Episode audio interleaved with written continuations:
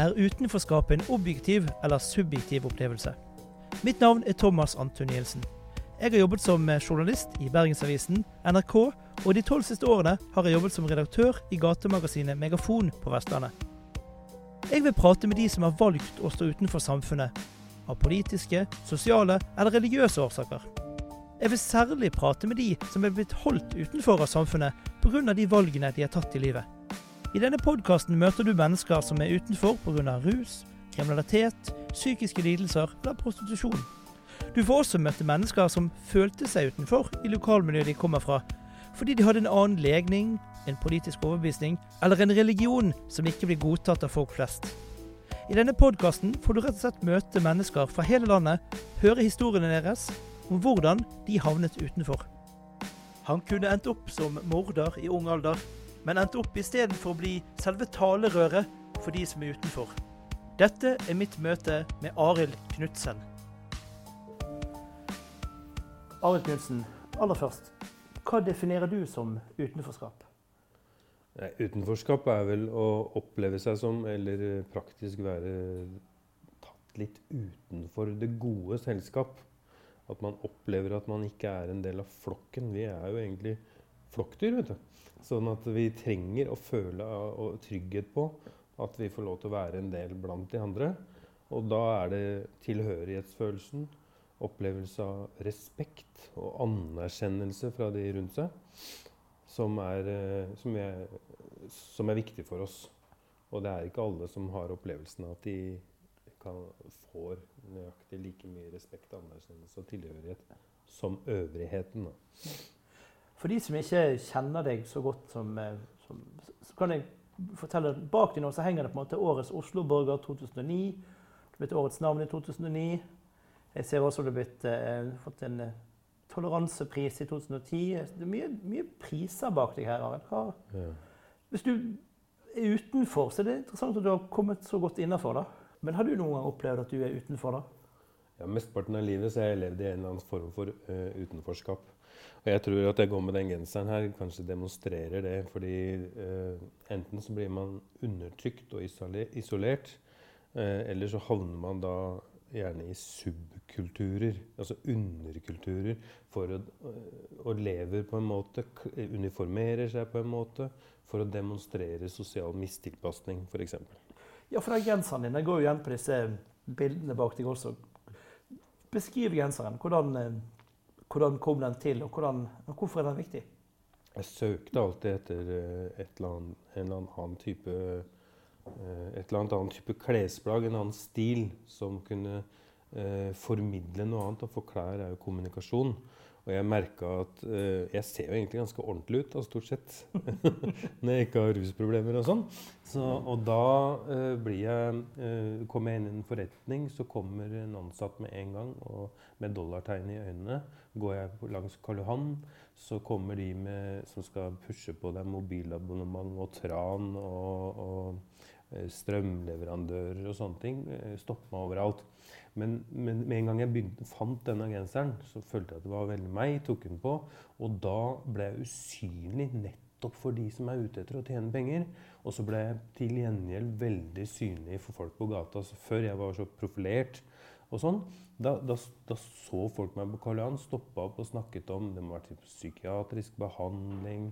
Nå hadde han en ti, gram med hasj han skulle inn i skogen og avruse seg fra andre stoffer med. Altså Jeg fikk meningsfulle samtaler om, om, det jeg er interessert i, og der jeg kan være en ressurs for andre. da. Og det forteller mye om hva klær gjør med oss. Det er litt interessant, for når du sa du sto og skulle kjøpe frokost, så så jeg inn i forskjellige kafeer, og så så jeg genseren før jeg så deg. Ja. Og tenkte da er du. Ja, der så genseren. Så, så det er blitt din, ditt varemerke, da. Det har det jo også. Det har vært veldig praktisk når jeg har gått rundt og delt ut brukerutstyr. Altså Folk har kommet løpende nedover Karl Johan mot gamle plata for å trekke opp sølevann og bruke en sitron og skyte i seg stoffet, for de er så abstinent at de orker ikke et sekund lenger. Den desperasjonen få kan fatte. Og så ser de ryggen min 200 meter unna. Jeg står og deler ut utstyr. Den skiller seg egentlig ikke noe særlig fra andres plagg. Men det er til gjengjeld veldig få som går med akkurat den genseren. Og sånn sett så har den veldig nytte. da. Så du på en måte kledde deg utenfor for noen, men innafor for noen? Ja, helt riktig. Ja. Det er for å bli sett av de jeg vil bli sett av, som gjør eh, arbeidet mitt mer nyttig. Og for å slippe føss fra folk som kommer på i en litt annen verden som jeg syns er litt kunstig og pengestyrt og sånne ting. Ja, veldig interessant. Men hvordan er din bakgrunn? Altså, hvordan, du sa du hadde følt deg utenfor hele tiden. Men hvordan endte det? Hvordan begynte det? Ja, jeg vokste opp i en helt eh, vanlig familie. Godt grunnlag og økonomi og allting. Men, eh, men eh, det var litt mye støy og føss og alkohol og problemer der. Som gjorde at jeg ble, fikk, ble litt annerledes. Da. Hadde litt andre utfordringer. Trakk mot andre miljøer. Og når vi kommer opp i den alderen hvor jeg har lyst til å eksperimentere litt med rus, det gjør jo all ungdom omtrent, så eh, var det andre rusmidler enn alkohol som tiltrakk meg. Og da kom jeg jo fort inn i et eh, veldig isolert miljø da, og opplevde å bli skjøvet ut av det gode selskap. Og det var eh, kriminalisering av rusmiddelbrukere er jo at myndighetene støter deg ut av det gode selskap. Men da ser man at nærmiljøet eh, ser, Da ser de det som samfunnsgavnlig å, bistå til det. Så de eh, hindrer deg å gå på kjøpesenteret. Skolen eh, beskylder deg for det meste. Familien nekter deg ting. Foreldra til andre ungdom vil ikke at du skal være med. Passe på at du ikke går i visse områder. Altså det er det, fordi det føles samfunnsgavnlig. Men for deg var det bare å støte deg lenger vekk fra de som du egentlig på en måte burde vært i. Ja, det, det, de fleste gode ressurspersoner mister man jo da kontakten med og tillitsforhold med, og det blir en mer sånn oss og dem-samfunn. da, Ja. Noe som igjen forsterker ditt behov for å være utenfor.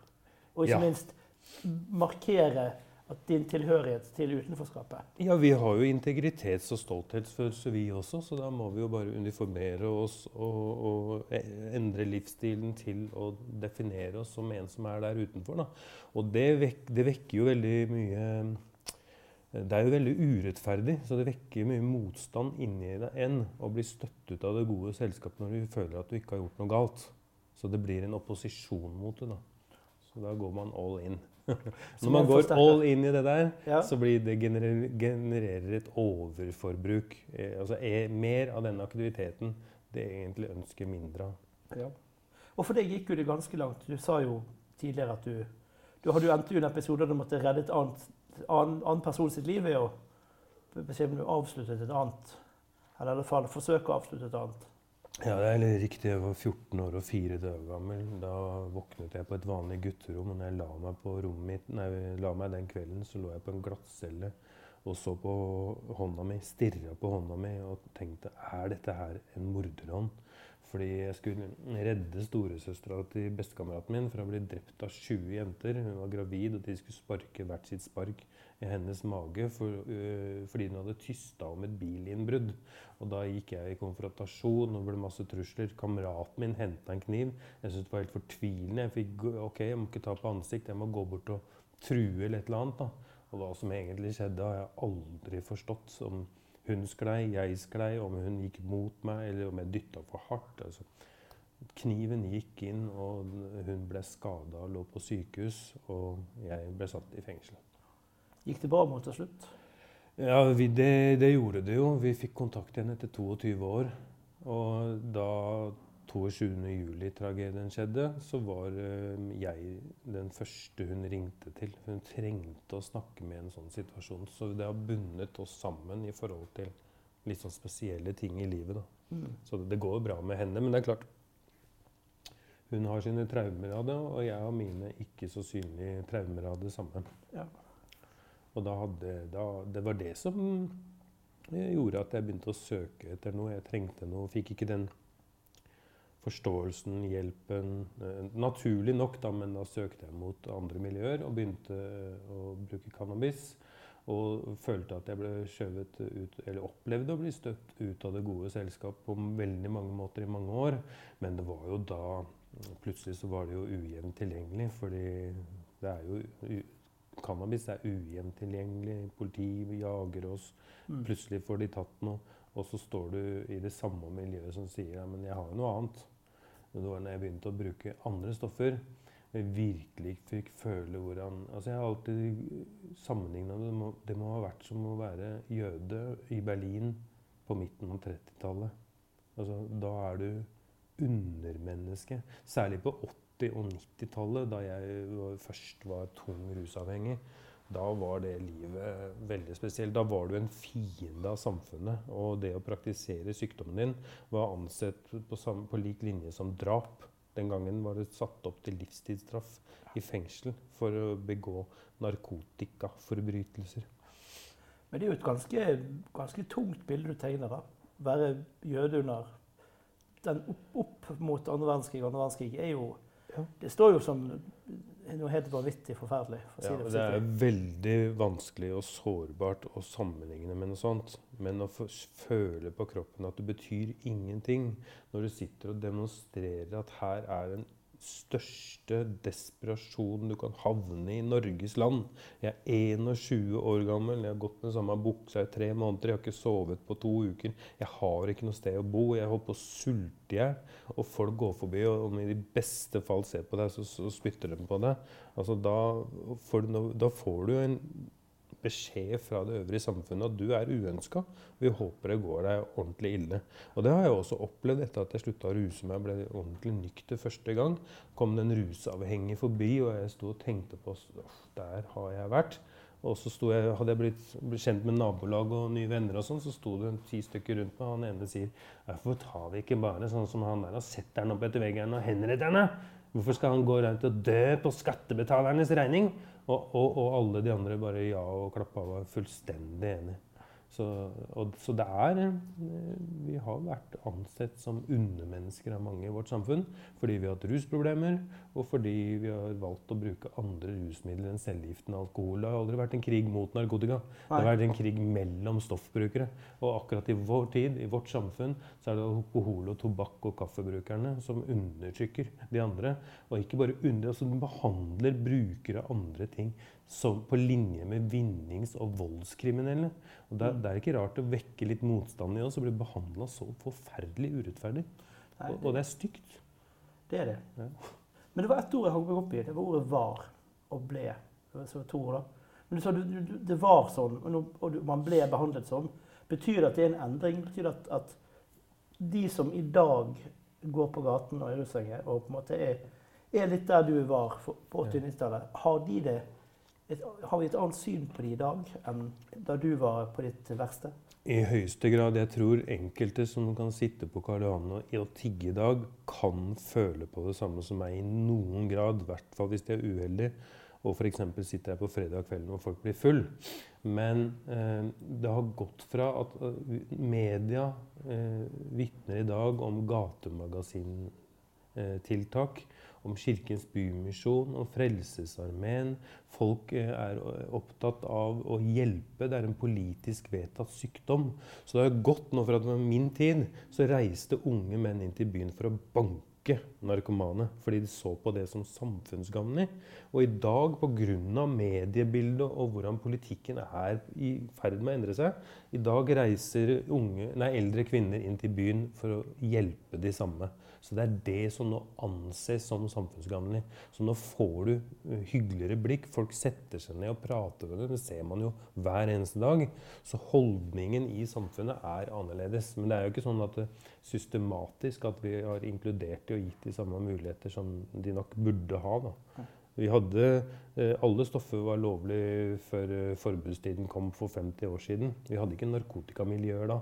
Så det er ikke bruk av substanser som bringer folk ut i slike livssituasjoner. Det er politikken. Ja, ja, og ikke minst livene, og ikke minst valgene man, man får mm. og tar. Mm. Når du ser tilbake, kunne du, hvilke valg ville du endret på? da? Hvis du kunne da tatt en prat til 13 år gamle Arild og sagt Arild, ikke velg dette. Hvilket råd ville du gitt han da? Det er mye jeg skulle ønske jeg ikke hadde gjort her i livet, men jeg uh, angrer Kan ikke gjøre så mye med. Jeg syns egentlig at uh, jeg, jeg, fortjener forståelse for å ha gjort det jeg har gjort. Om jeg har vært har injisert amfetamin eller brukt heroin, om jeg har røyka fem gram cannabis, om jeg har spist et glass med tabletter og sånn. Altså, jeg er i utgangspunktet ikke dum eller uforsvarlig eller vil risikere min egen helse, mitt liv eller andres.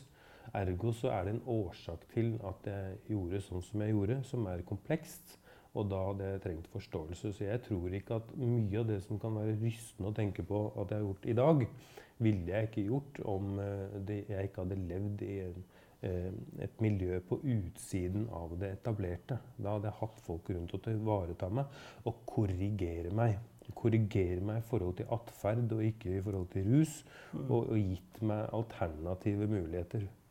Ja, for dum er du ikke, basert på de fem-seks diplomene bak deg. Så så der har du bevist at unge Arild var, var, aldri dum. Jeg er et helt uh, ordinært menneske med ressurser og verdier og håp og ønske om at folk skal ha det bra og at ting skal være bra rundt meg. Og jeg er en ressurs.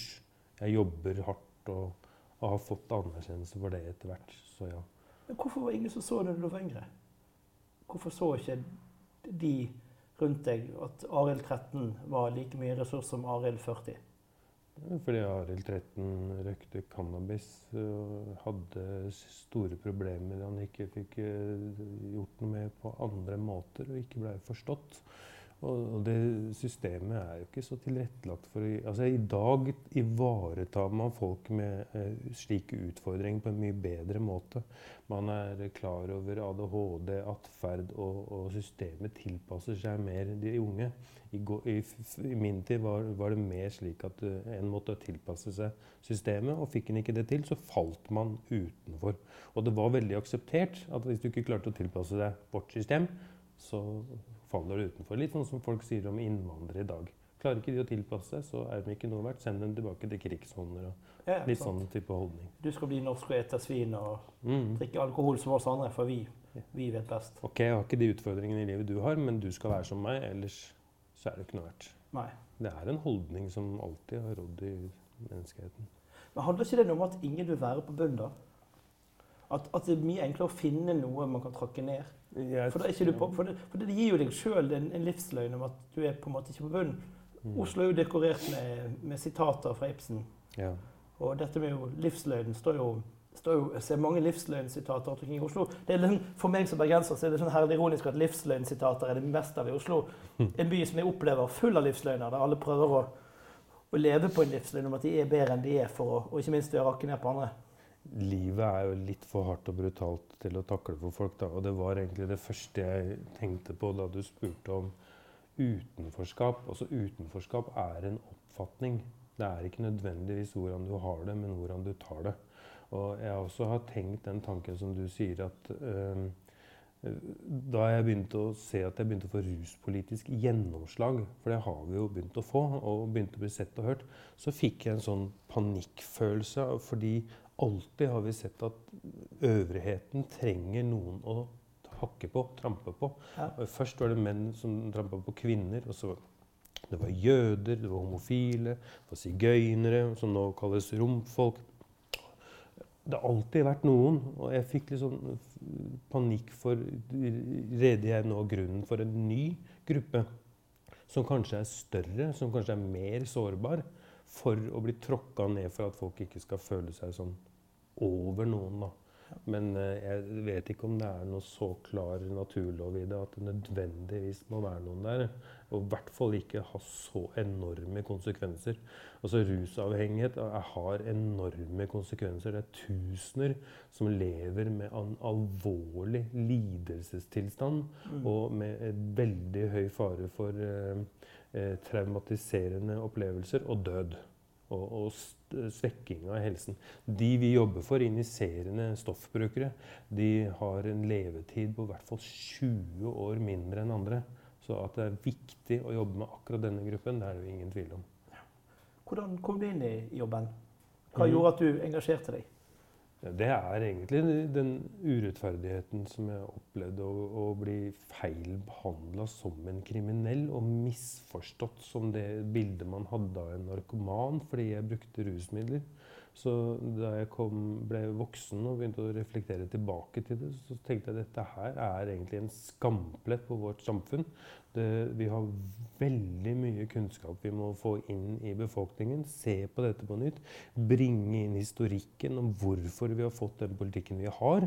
Og så ta en ny vurdering på det. Og den gangen ble du sett på som sånn idiotliberal for ja. å mene det jeg mener. Og nå nå ser vi at Bent Høie reiser jo rundt og høres ut som en brukerrepresentant. Altså en representant for en brukerorganisasjon på rusfeltet. Mm. Hans argumentasjon er jo det vi fikk uh, kjeft for for 15 år siden. Og det er fantastisk å se utviklingen. Men ikke det bare hersketeknikk, da? At man på en måte prøver å Vi, vi diskuterte jo ord før vi begynte å ta opp. Altså hva betyr ordene? Men ordene i seg sjøl har jo det, det, det, er jo intensjonen med ordene, bak, baktanken med ordene. Mm. Og når man prøver å label deg som en hasjliberalist, så er det bare en måte å stemple deg på at dine, dine meninger er mindre verdt fordi du har det, det stempelet. Det var som minoritetssyn den gangen at det var veldig lett å stemple det som noe useriøst. Men uh, heldigvis så hjalp ikke det. Det er for litt sånn som man har stemplet mennesker med, med rusavhengighet eller ruslidelser. Mm. For det har også vært en, en, stor tanke om at okay, du skal ikke kalle dem for narkomane, for det er ikke lov. Du skal ikke kalle dem for rusavhengige eller rusmisbrukere. Så, men, det, men det er jo det er også man setter ord på ting for å stemple folk, for å trykke folk ned. Ja, det, det er jo veldig mye slike typer midler i begreper. Men uh, jeg er veldig enig i det at uh, det største problemet med slik begrepsbruk er ikke nødvendigvis de enkelte begrepene. Det er det at vi definerer stigmatiserte og minoritetsgrupper som noe annet enn mennesker.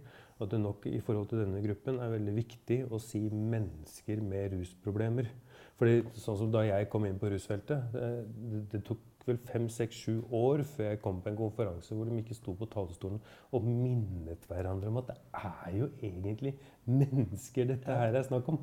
Og det sier jo litt av hvordan man klarer å definere grupper. Og det, når du definerer en gruppe som rusmisbrukere, og det er så mye moralisme og fordømmelse knytta til det, så fører jo det til en generaliserende holdning. Så hvis jeg da kommer hjem til mammaen min, og jeg kan være ærlig og ha tillit, og trenge en viktigste ressurspersonen i livet mitt, og si 'Mamma, jeg begynte å røyke hasj sammen med de vennene der, og nå føler jeg at jeg ikke har helt kontrollen. Kan du hjelpe meg?'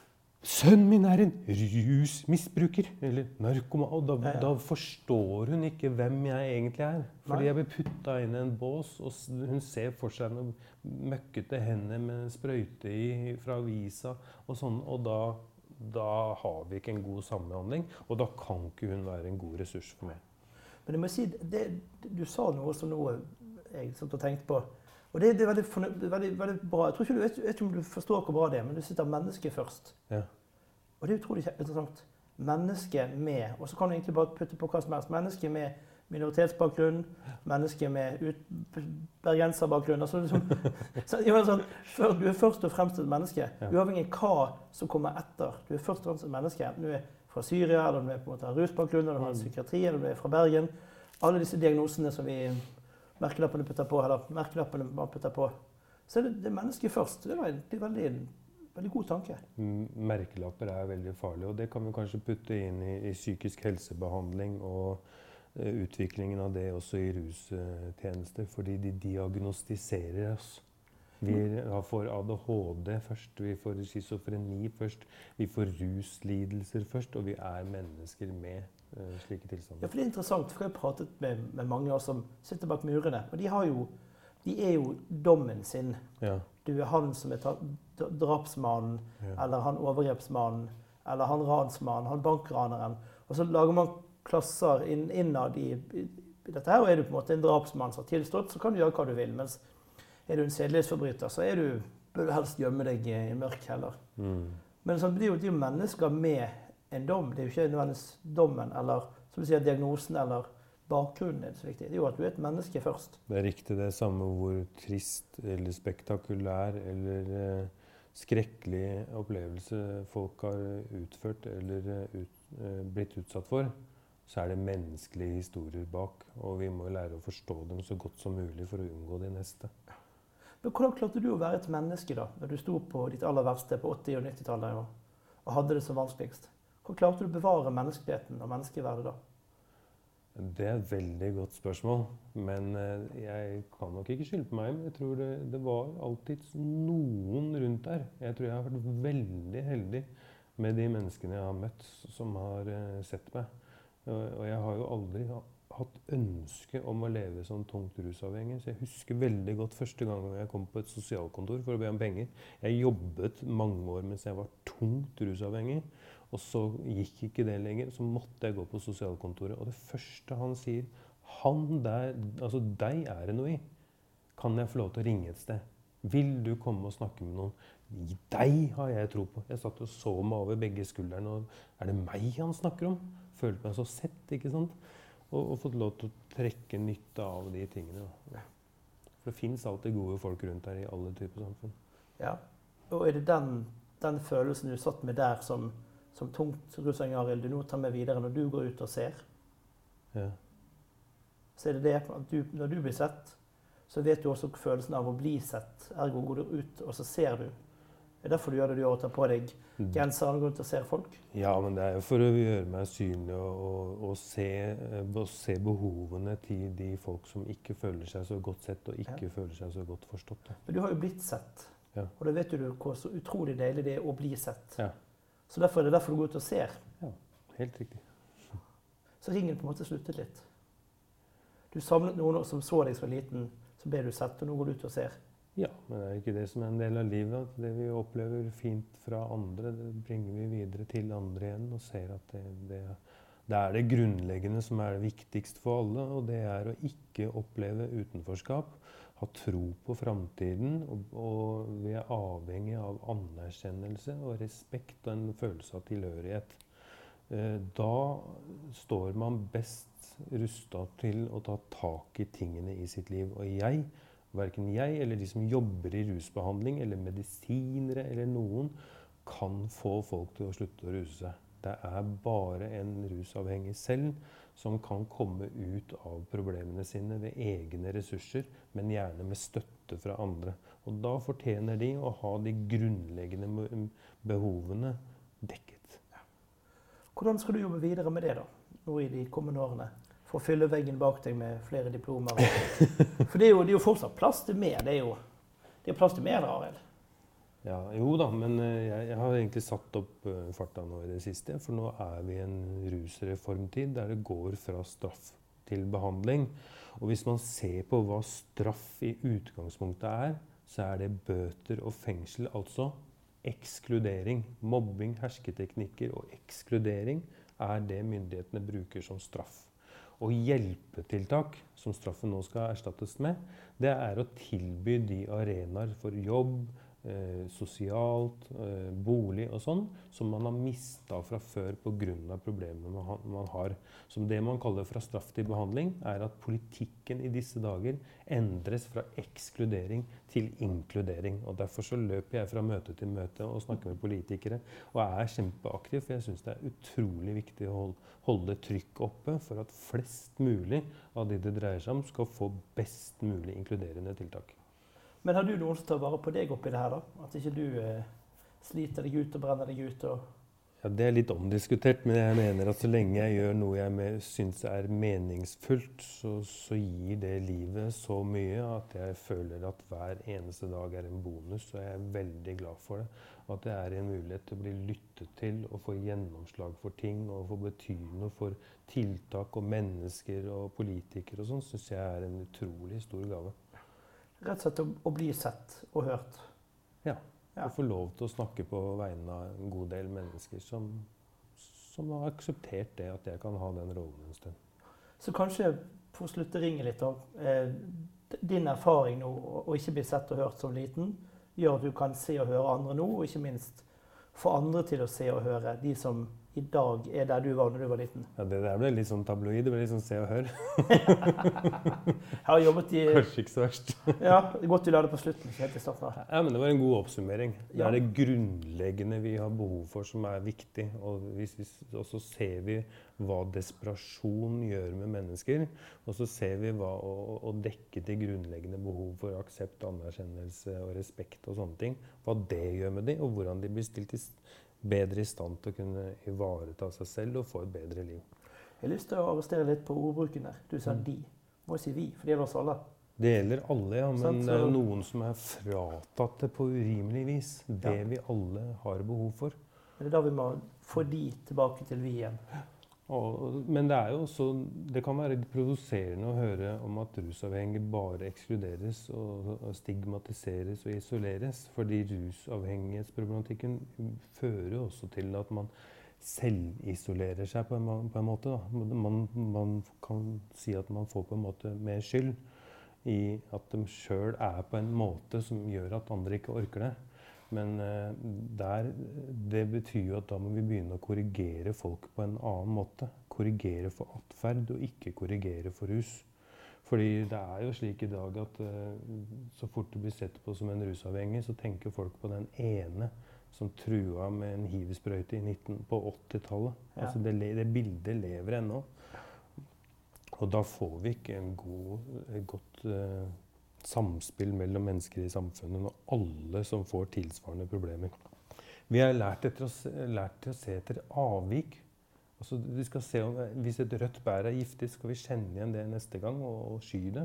Og, og, når vi putter folk i sånn stigmatiserende båser og generaliserer dem som en gruppe som er sånn og sånn, så er det slik at da er det en, en snill person med rusproblemer blir ansett som potensielt den samme som på 80-tallet rana en person i en kiosk med hiv-blod i sprøyta.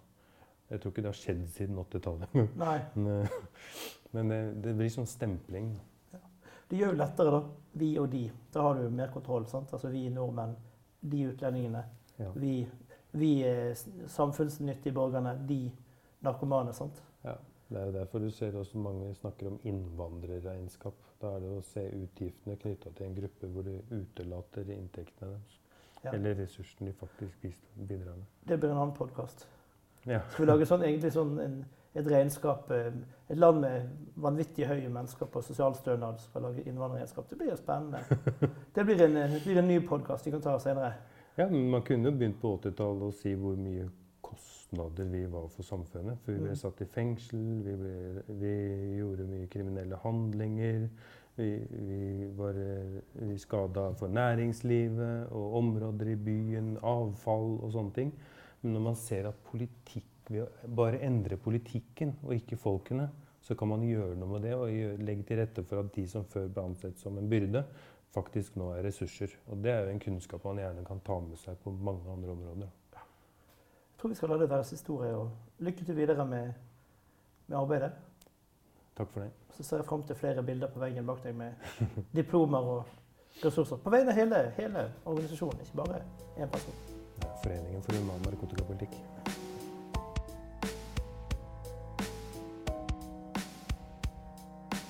Nå er podkasten kommet til sin ende. Tusen takk for at akkurat du hørte på hele denne podkasten.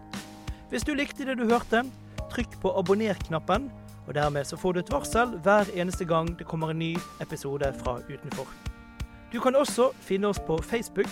Der heter vi Utenfor podkast. Der får du også beskjed om det kommer en podkast, eller mer informasjon om podkasten eller det som skjer rundt utenfor. Hvis du ikke har fått tilfredsstilt din appetitt for podkaster, anbefaler jeg deg å gå inn på mainstream.as. Der får du flere podkaster direkte til din øregang. Vi to høres igjen neste uke på mandag.